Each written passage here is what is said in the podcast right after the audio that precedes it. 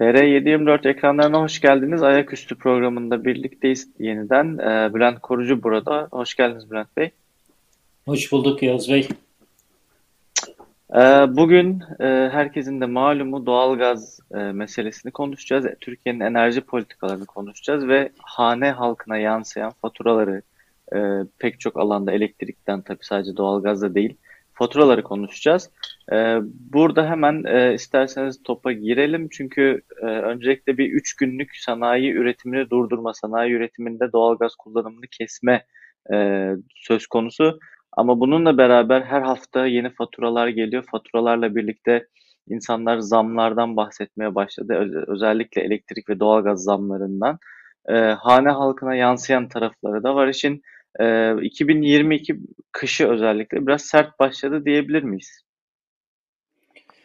Evet yani zaten yılbaşıyla birlikte e, hepimizin çok yakından takip ettiği bir zam yağmuruyla yıl başladı. E, iğneden ipliğe neredeyse her şeye zam geldi. Ama en önemlisi de enerji zamlarıydı. Benzine, motorine, doğalgaza, elektriğe zam geldi ve çok astronomik bir biçimde zam geldi. Ee, insanlar bu zammı, bu e, pahalılığı nasıl kaldıracağını düşünürken şimdi üstüne e, bir de doğalgaz kesintisi gündeme geldi. Yani e, bir anlamda hastalığa razı iken ölümle yüz yüze kalmış durumda insanlar. Ama daha da önemlisi üreticiler, sanayi sektörü e, üç günlük bir enerjisizlikle nasıl baş edebileceklerini, siparişlerini nasıl yetiştireceklerini ya da makine güvenliğini, ham madde güvenliğini nasıl sağlayacaklarına dair ciddi endişe içerisindeler. Çünkü e, önemli bir e, kısmında sanayi üretiminde kesintisiz enerjiye ihtiyaç var ki makinalar çünkü hatta hane dediğimiz ya da daha e, enerjiyi fazla kullanan, sıcaklığı, ısı enerjisini fazla kullanan e, sektörlerde o makinaları soğuttuktan sonra yeniden çalışır hale getirmek yani çok büyük bir maliyet hatta bir kısmı o makinaların e, bozulması anlamına geliyor. Onun için e, sektör temsilcileri büyük bir panik içindeler. hem Sanayi Bakanlığı'yla hem de Enerji Bakanlığı'yla temas halindelerdi. O temas herhalde sonuç vermiş olacak ki e, Sanayi Bakanı ve Enerji Bakanı e, bütün sektör temsilcilerini İhracatçılar Meclisi de başta olmak üzere bir toplantıda, bir Zoom toplantısında bir araya getirdi. E, bilhassa organize sanayi bölgeleri e, başkanı ve onların temsilcileri e, büyük bir e, şey içerisinde, panik içerisindeler, tedirginlik içerisindeler. Bu üç günlük kesinti sonucunda hem ihracat için söz verdikleri ürünleri yetiştirmeleri çok zorlaşacak hem de biraz önce söylediğim gibi bir kısım makinalarının güvenliğini sağlamaları neredeyse imkansız hale gelecek. İran doğalgazındaki bir sıkıntıdan 10 günlük bir kesintiden söz ediliyor. Bu kesintinin sebebi de o toplantıdan anladığımız kadarıyla bir e, gaz e, kaçağı var ve bu kaçaktan dolayı İran e, şey olana kadar, tamirat olana kadar gazı kesme şey yoluna gidiyor. E, Türkiye devam edelim ama işte daha sonra tamir ederiz filan gibi bir talepte bulunmuş bakanların söylediğinden anladığımız kadarıyla. Ama İran bence haklı olarak bunu kabul etmemiş. Çünkü nihayetinde e, o kaçak e, herhangi bir güvenlik sorununa da yol açabilir, bir patlamaya da yol açabilir. E, İran Türkiye'nin e, doğalgaz ihtiyacının yaklaşık %11'ini karşılıyor. 5 milyar metreküp yanlış hatırlamıyorsam e, kısmını karşılıyor. E, Türkiye hani doğalgazda tamamen dışa bağımlı e, ama tedarik güvenliğini, tedarik çeşitliliğini çok fazla sağlayabilmiş bir ülke değil ve çok pahalıya alıyoruz doğalgazı. E, bunların zaten soru, bu sorunlarla e, baş etmekte zorlanırken Türkiye, e, şu anda bir de üstüne kesinti de gelince tam kış ortasında hem hane halkı e, soğukla burun buruna kalacak hem de sanayi üretimi çok büyük bir darbe yemiş olacak.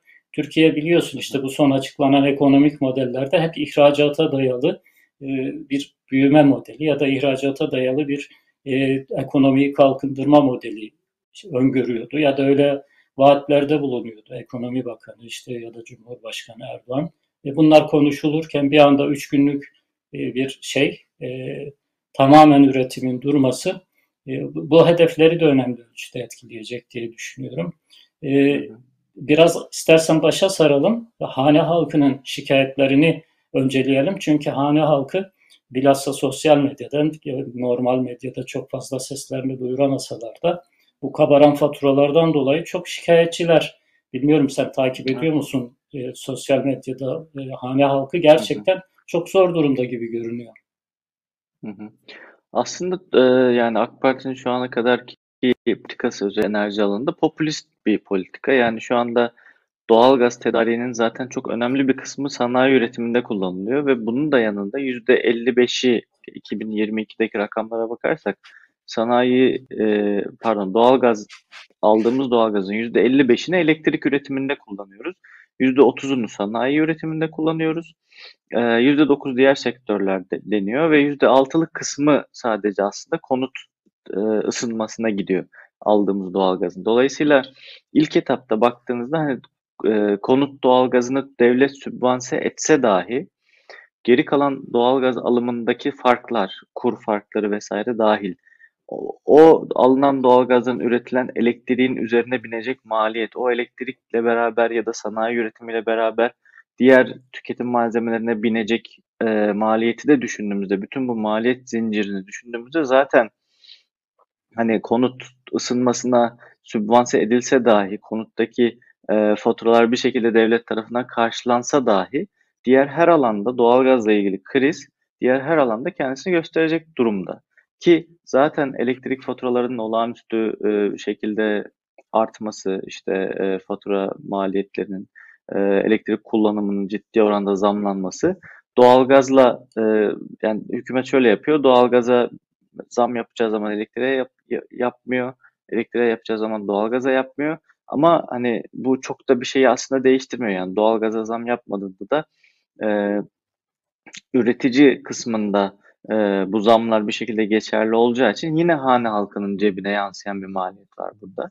Tabii bununla yani bu çok daha geniş spektrumlu bir konu. Yani Türkiye'nin bir enerji politikası, bir e, işte doğal gazı hep zaten siz de dediniz dışa bağımlı. Yıllardır da bu böyle. Bununla beraber 2021'in önemli bir tarafı var. Bütün o, uzun vadeli kontratlar doğal gaz alımı ile alakalı işte Rusya'daki bir e, kontrat, yine Azerbaycan, İran, e, hatta. Bunların hepsinin sonuna gelindiği bir dönemdeyiz şu anda bir kavşaktayız ve AK Parti hükümeti gerek dış politikasındaki güvensizlik, gerek ekonomisine karşı duyulan güvensizlik ciddi bir elinde e, güçlü bir şekilde masaya oturamıyor. Masaya güçlü oturamadığı için de haliyle e, bir türlü önünü görebileceği kadar bir doğal gaz alımı, bir enerji tedariği sağlayamamış durumda ve zaten pandemi döneminde e, üretim dünyada bütün dünyada üretim ve tedarik aksadı düştü. Doğalgaza talep de düşmüştü. Fakat şu anda pandemiden yavaş yavaş çıkıyoruz. Yeniden bu artış var. Bu artışla beraber birim fiyatlar arttı, talep arttı. Dolayısıyla Türkiye şu anda masaya yani hali hazırda e, henüz Rusya ile sonlandıramadığı bir e, sözleşme var. İşte İran'la mesela şu anda e, İran'la olan sözleşmenin de sonuna gel- geldik. E, bu gaz kaçar falan deniyor ama gerçekten öyle mi? Bunu tartışmak da lazım bence. Çünkü e, yani o işin bahanesi de olabilir yani. Çünkü İran'a da ödenem, ödemelerin yapılmadığı gibi şeyler de konuşuluyor e, kulislerde. Yani bütün bunları bir araya getirdiğimizde hane halkı aslında yani hükümet kendisine popülist şekilde havuç uzatsa dahi bu senaryoda hiçbir şekilde e, yani karlı çıkma şansı yok. Hiçbir şekilde önünü görme şansı yok. Kışı atlatsa dahi yani kışın ısınma şeyini karşılamış olsa dahi insanlar bu e, doğal gazdan kaynaklı sanayi üretimi, elektrik vesaireyle birlikte e, yani önümüzdeki süreçte enerji ciddi pahalanacak. Bugün Avrupa'da mesela e, eskiden şeyi konuşurduk. Türkiye Avrupa'nın iki katına doğalgaz alıyor diye. Şu an Avrupa Türkiye'nin dört katına doğalgaz alıyor. Çünkü neden talep arttı işte e, Avrupa'nın kendi enerji politikasındaki sıkıntılardan dolayı elinin zayıf düştüğü durumlar oldu. Ama hem doğalgaz hem de elektrik Avrupa'da ciddi oranda artmış durumda. Türkiye'de buradan daha avantajlı çıkması çok da mümkün değil. Çünkü Türkiye pazarlardan bir pazar ve Türkiye daha da enteresan tarafı e, aldığı doğalgazı işleyip satamıyor. Yani Avrupa ülkeleri bunu yapabiliyor. Mesela Hollanda, İtalya bunu yapabiliyor. Rusya'dan aldığı gazı diğer e, ülkelere satabiliyor işleyip bir şekilde. Yani dolayısıyla e, Türkiye'nin böyle bir avantajı, böyle bir altyapısı da yok. Yani bu gazı alacak, işleyecek, depolayacak ve satacak. Yani dolayısıyla Türkiye'nin enerji piyasasında öyle çok avantajlı bir konumu yok. E, geçiş noktası olmasına rağmen e, bu avantajını da bugüne kadar pek kullanamadı. Dolayısıyla e, yani son tahlilde işte hane halkına yansıyan taraflarıyla bu kışı geçirse bile AK Parti politikaları ciddi anlamda enerjide ket vurmuş olacak gibi gözüküyor. Evet, e, hane halkı demişken hemen şunu hatırlatalım. E, Aile ve Sosyal Hizmetler Bakanı bir açıklama yaptı. Enerji Bakanı da bunu e, paylaştı. E, yaklaşık 4 milyon haneye 3 milyar liralık bir bütçe e, hazırlanmış, bir paket yardım paketi hazırlanmış. 450 lirayla 1150 lira arasında bu enerji faturalarına, doğalgaz faturalarına destek verilecek. İnsan e, sormadan edemiyor aslında insanları böyle e, dilenci haline getirip yardım şeklinde dağıtacaklarına e, doğalgaz faturalarına doğrudan bunu indirim olarak yansıtsalar ya da zamları bu kadar yüksek oranda yapmasalar daha doğru olmaz mı? Ama öyle değil. AKP'nin bir e, sosyal projesi bu. Yani insanları talep eden, bir anlamda dilenen bir konuma düşürmek istiyorlar. Kendilerini de hep veren el, hani o alan el, veren el şeyi vardır ya, e, veren el konumunda tutmaya çalışıyorlar. Böylece halkı kendilerine bir anlamda e, borçlu bırakıyorlar, medyum bırakıyorlar. Yani doğalgaz çok yüksek maliyetliydi. İşte biz size yardım olarak e, şu kadar para verdik diyebilmek için galiba bunu yapıyorlar. E, bir de ben şeyi hatırlıyorum, onu da bir anekdot olarak söyleyeyim. Sonra Türkiye'nin e, ekonomisi, borç ödemesi, borçlar dengesi, e, dış ticaret açığı bunlara da biraz konuşmamız lazım. Çünkü senin dediğin gibi yani İran'la ilgili sorunun aslında e, alınan doğalgazın borcunun ödenmemesinden kaynaklandığına dair iddialar da var. Hatta işte sırf bunu yapabilmek için BOTAŞ'ı Katarlılara satmak ya da Arap Emirlikleri'ne satmak gibi projeler konuşuluyor. E, ben e, Mesut Yılmaz dönemini hatırlatmak istiyorum. Böyle olağanüstü bir anda peş peşe ve neredeyse günler süren elektrik kesintileri yaşamıştık. Ve bu elektrik kesintilerinin işte doğalgaz tedariğinden kaynaklandığını söylemişlerdi. Bir anlamda ölümü göstermişlerdi.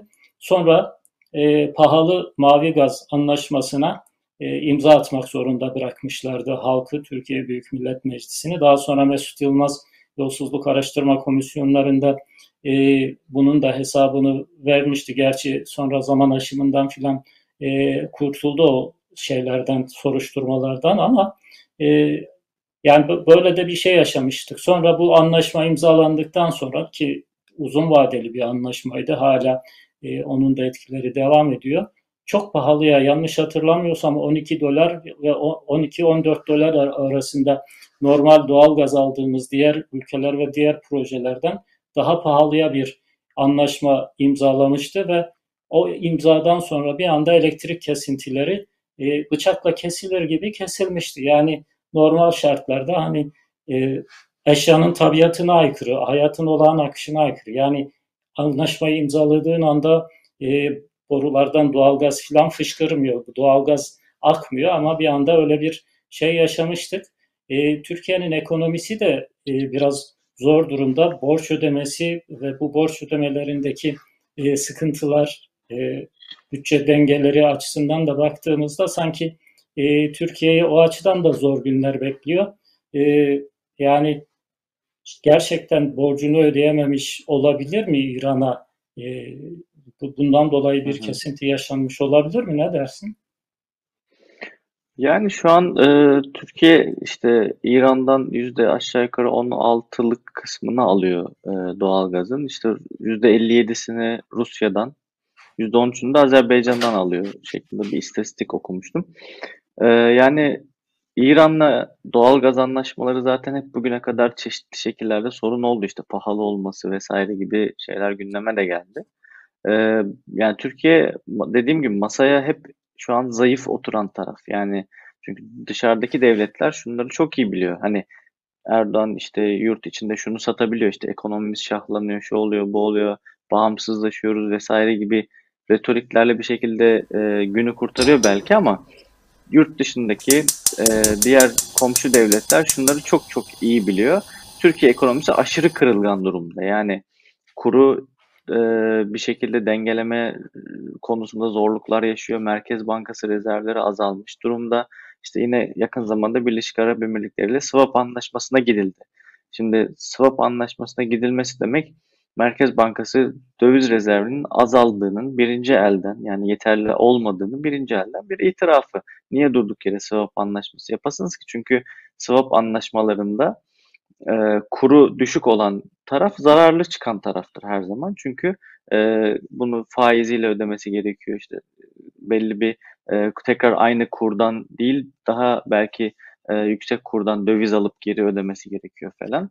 Yani dolayısıyla Türkiye bu sinyalleri dışarıya veriyor ve dışarıdaki insanlar da bunu biliyor. Masaya oturdukları zaman Türkiye ekonomisinin ciddi anlamda problemleri olduğunu da biliyorlar. Yani dolayısıyla çok uzun vadeli belki e, anlaşmalardan kaçınacaklar. Ha şu da var. Yani İran'ın bir doğal gazı var. Zaten İran piyasada her ülkeye bunu satamıyor. Yani Amerika'nın yaptırımlarından dolayı, şundan dolayı, bundan dolayı. Yani dolayısıyla Türkiye pazarını kaybetmek istemeyecektir ama karşılığında daha e, bir şekilde e, parasını kompanse edebilecek karşılıklar isteyecektir. Yani nasıl ki bugün Katar ya da Birleşik Arap Emirlikleri e, Türkiye'ye yani, e, babasının hayrına kimse yatırım yapmıyor. Karşılığında bir şeyler almak istiyor. İşte Katar e, bazı şirketlere göz dikti. Yine veya e, Birleşik Arap Emirlikleri bazı işte şirketlerin açıkça belki de istedi. Bunlardan dolayı zaten BOTAŞ'ın da ciddi anlamda zararda olduğu e, yani en büyük gaz alan şirket Türkiye'den yani yarı devlet şirketi, yarı özel gibi gözüküyor ama bilançosuna falan baktığınızda BOTAŞ da ciddi anlamda zarar eden bir durumda. Şimdi yeni anlaşmalar yapılacak. Bu anlaşmalarda maliyetler daha da artacak. Yani bunu e, söylemek için kahin olmaya gerek yok. Böyle zaten yani çünkü Türkiye nispeten ucuza alıyordu e, bundan 2-3 sene öncesini düşündüğümüzde. Bu 2-3 senede çok şey oldu ve bu e, bu dönemle birlikte bu maliyetler artacak. Dolayısıyla BOTAŞ ciddi e, sıkıntı içerisinde olacak.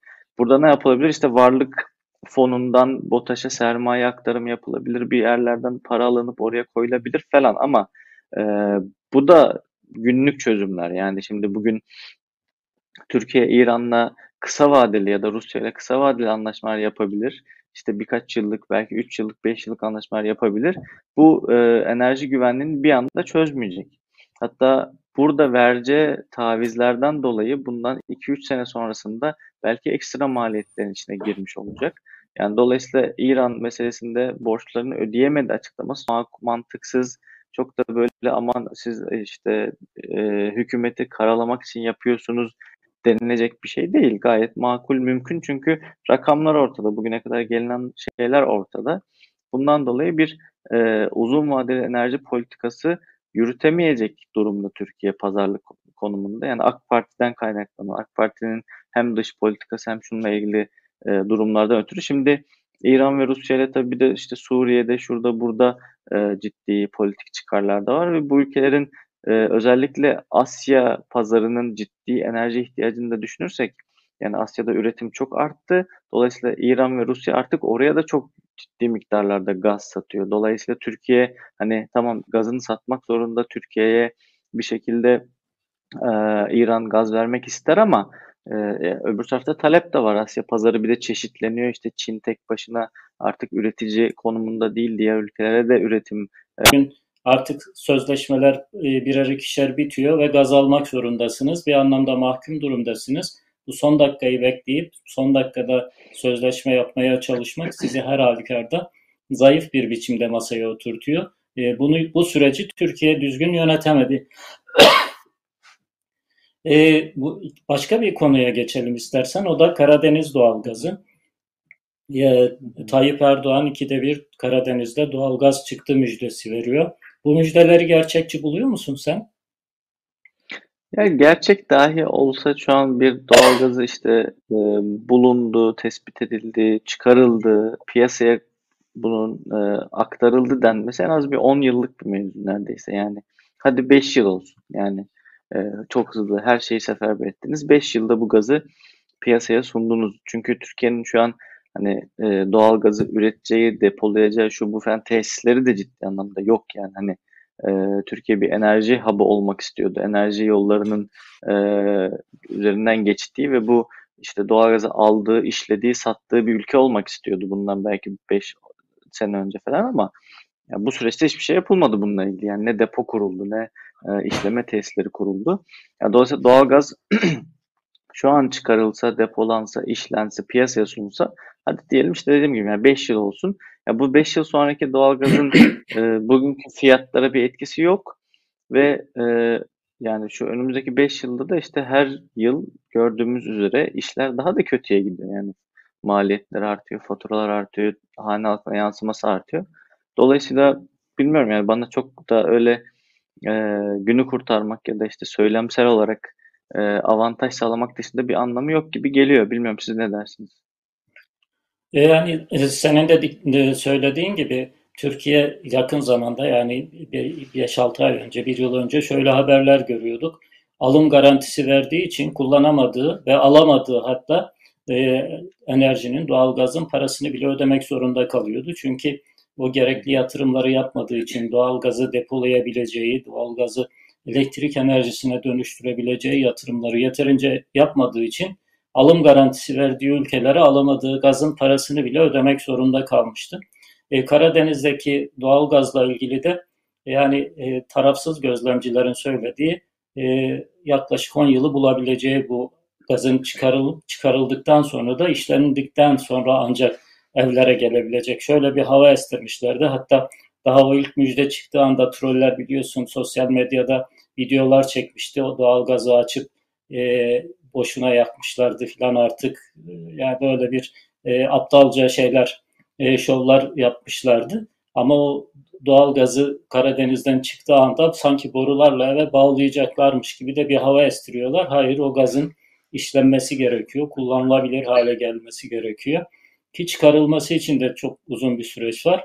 E, işin açıkçası o müjdelere çok inanamıyorum da ben. Çünkü AKP dönemi, AKP hükümeti, Erdoğan rejimi o kadar pek çok konuda yalan söylüyor ki yani orada gerçekten bir doğalgaz bulunduğuna dair e, ciddi şüpheler bile oluşmuyor değil insanlarda ya da e, varsa bile bu kadar abarttıkları boyutlarda mı? Kaldı ki Türkiye'nin e, yaklaşık yıllık doğalgaz tüketimi 50 milyar metreküp civarında. Orada işte 500 milyar metreküp yaklaşık bir e, gaz olduğu birkaç posta da açıkladılar. Birkaç posta müjde şeklinde verdiler. E, 500 milyar metreküp yani en fazla Türkiye'nin 10 yıllık e, doğal gaz ihtiyacını giderecektir. Ondan sonra e, yine dışa bağımlı hale getireceğiz ki bunu da işte dediğimiz gibi yani bir anda çıkarıp böyle şey gibi paket gibi hemen kullanıma sunabilecekleri bir e, ürün değil doğalgaz. Ondan dolayı çok bana inandırıcı, çok ikna edici gelmiyor. Yani e, hala Türkiye'nin doğalgazda ya da enerjide e, dışa bağımlılığı sürecek. Bunun için doğru, ciddi ve önü gör, önünü görebilen bir enerji politikasına ihtiyacı var. Ama bunun için de önce ödemeler dengesinin güçlü olması lazım. Kredibilitesinin bir ülkenin güçlü olması lazım. Şu anda risk primi en yüksek ülkelerden birisi Türkiye. Risk primi nedir? Borç alırken e, ödediğimiz kasko gibi, ödediğimiz sigorta gibi bir şey. Risk primi dediğimiz şey o. Normal herhangi bir ekonomisi gelişmiş bir ülkenin e, aldığı borç, bizim aldığımız borç arasında bu risk priminin çok büyük bir şeyi var. E, oluşturduğu fark var. Türkiye aleyhine oluşmuş bir fark var. E, Türkiye'nin zaten e, politika faizleri ortada ama kendi iç piyasasında borçlanırken bile %25 ile %26 ile şu anda borçlanabiliyor. Yani %14 sadece göstermelik bir e, indirim Merkez Bankası'nın politika faizi. Zaten Nurettin Nebati ile ilgili de bugün gazetelerde bir haber var. Yani politika faizi e, ne çok da takılmayın. O böyle bir yani öyle bir şey söylemiş, bir şeyler gevelemiş ama herkes biliyor ki piyasadaki e, faizler çok yüksek. Devlet %25 ile %26 ile şu anda borçlanıyor kendi iç piyasasından. Böyle bir ülkenin e, doğru, ciddi ve istikrarlı, e, karlı e, bir enerji politikası uygulayabilmesi, böyle bir proje geliştirebilmesi de şu anda şey görünmüyor, e, mümkün görünmüyor. Karadeniz'de bulduğumuz doğalgazın çıkarılma maliyeti, onun e, kullanılabilir hale gelebilmesi için üretim maliyeti, e, bunları bile şu anda karşılayabilecek aslında bütçede yeterli e, ödenek olmadığına dair ciddi eleştiriler de var muhalefette. Hı hı. Evet yani sonuçta o, pa- o parayı da bir yerden bulmaları gerekecek. Bu sefer ek vergiler gündeme gelecek, yeni zamlar gündeme gelecek. Ee, belki yine vatandaşın cebinden karşılayıp e, oradaki Faizli maliyeti kredi alıp e, o gazı hı çıkaracaksın. hı. Yani benzer şeyler olacak. Dolayısıyla yine e, hani avantaj bir anlamda dezavantaja dönebilir gibi gözüküyor. Ee, yavaş yavaş da süremizin sonuna geliyoruz. Eklemek istediğiniz bir hı. şeyler varsa alalım. Ee, yoksa yavaş Yani yavaş kapatalım. şöyle hani bir atasözü var ya kurt e, kışı geçirir ama yediği yaz da yanına kar kalır. Ya halk, Türkiye halkı bu kışı çok zor geçirecek ve e, bu ayaz ve fatura kazıkları e, çok canını yakacak gibi görünüyor. E, hükümet de e, biliyorsun e, yapabilirse baharda ya da en geç belki yaz aylarının ortasında Temmuz gibi e, seçim yapabilmeyi umut ediyor herhalde. O bütün de şeyleri, göstergeleri ona göre takip ediyorlar. İşte Şubat ya da Mart ayında Merkez Bankası Şubat'ta şimdi toplantı yapacak genel kurul.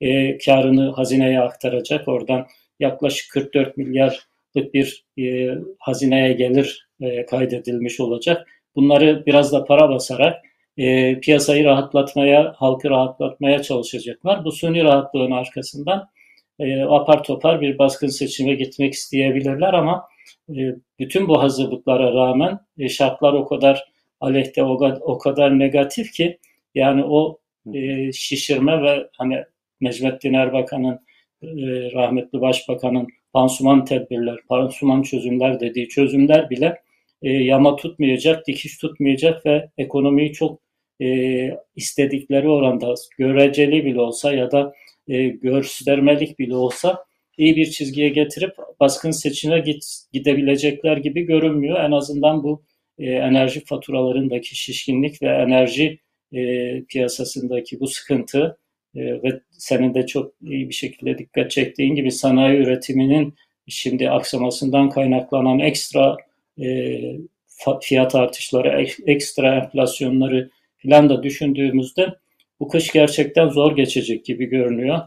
Ee, Allah halkın yardımcısı olsun diyebilecek başka bir şey bulamıyoruz. Amin diyelim. Böylelikle burada bugünümüze noktalayalım. Ayaküstünü izlediğiniz için hepinize teşekkürler. Ee, abone olmayı, yorum yapmayı, beğenmeyi e, ve bildirimlerinizi açmayı unutmayın. Önümüzdeki hafta yine görüşmek üzere. Hoşçakalın.